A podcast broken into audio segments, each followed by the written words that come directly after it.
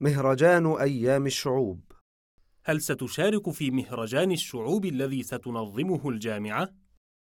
أنا بالفعل مشارك في هذا المهرجان وهذه هي المرة الثالثة على التوالي التي نشارك فيها متى موعد هذا المهرجان؟ أوائل الشهر المقبل من الذي فاز بالمركز الأول العام الماضي؟ دولة اليمن فقد كان جناحها رائعا.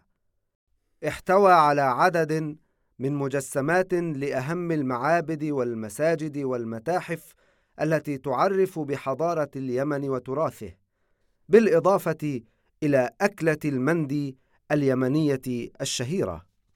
وماذا قدمتم في جناحكم العام الماضي؟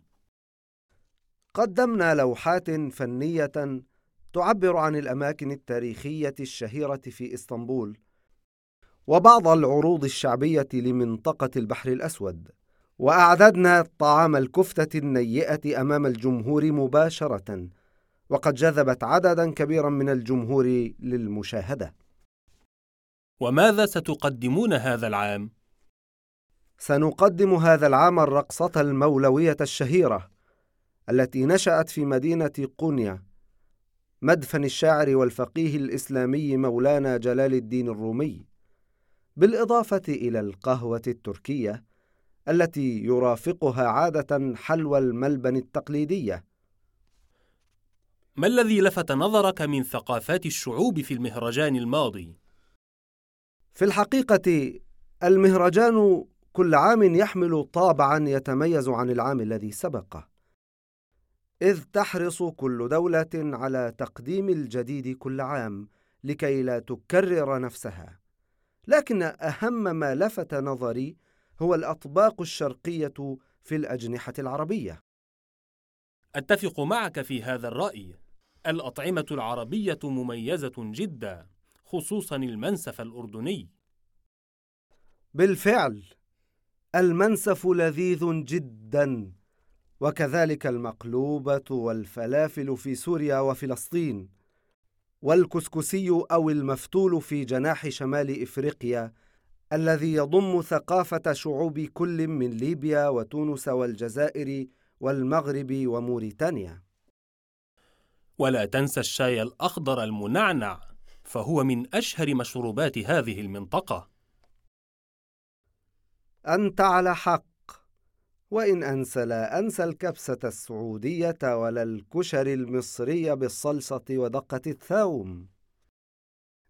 دعنا من الطعام والشراب. حدثنا عن العروض الفنية الثقافية والأزياء الشعبية التراثية. أبرز العروض التي أعجبتني كان تمثيلا مصغرا للعرس السوداني بعاداته وتقاليده. ومنها نقش الحناء والكحل.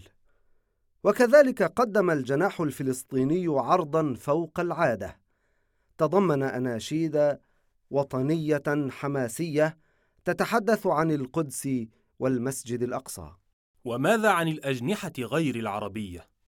كان هناك عرض ياباني متميز بالزي الياباني الشهير الكيمونو والتحية اليابانية التقليدية.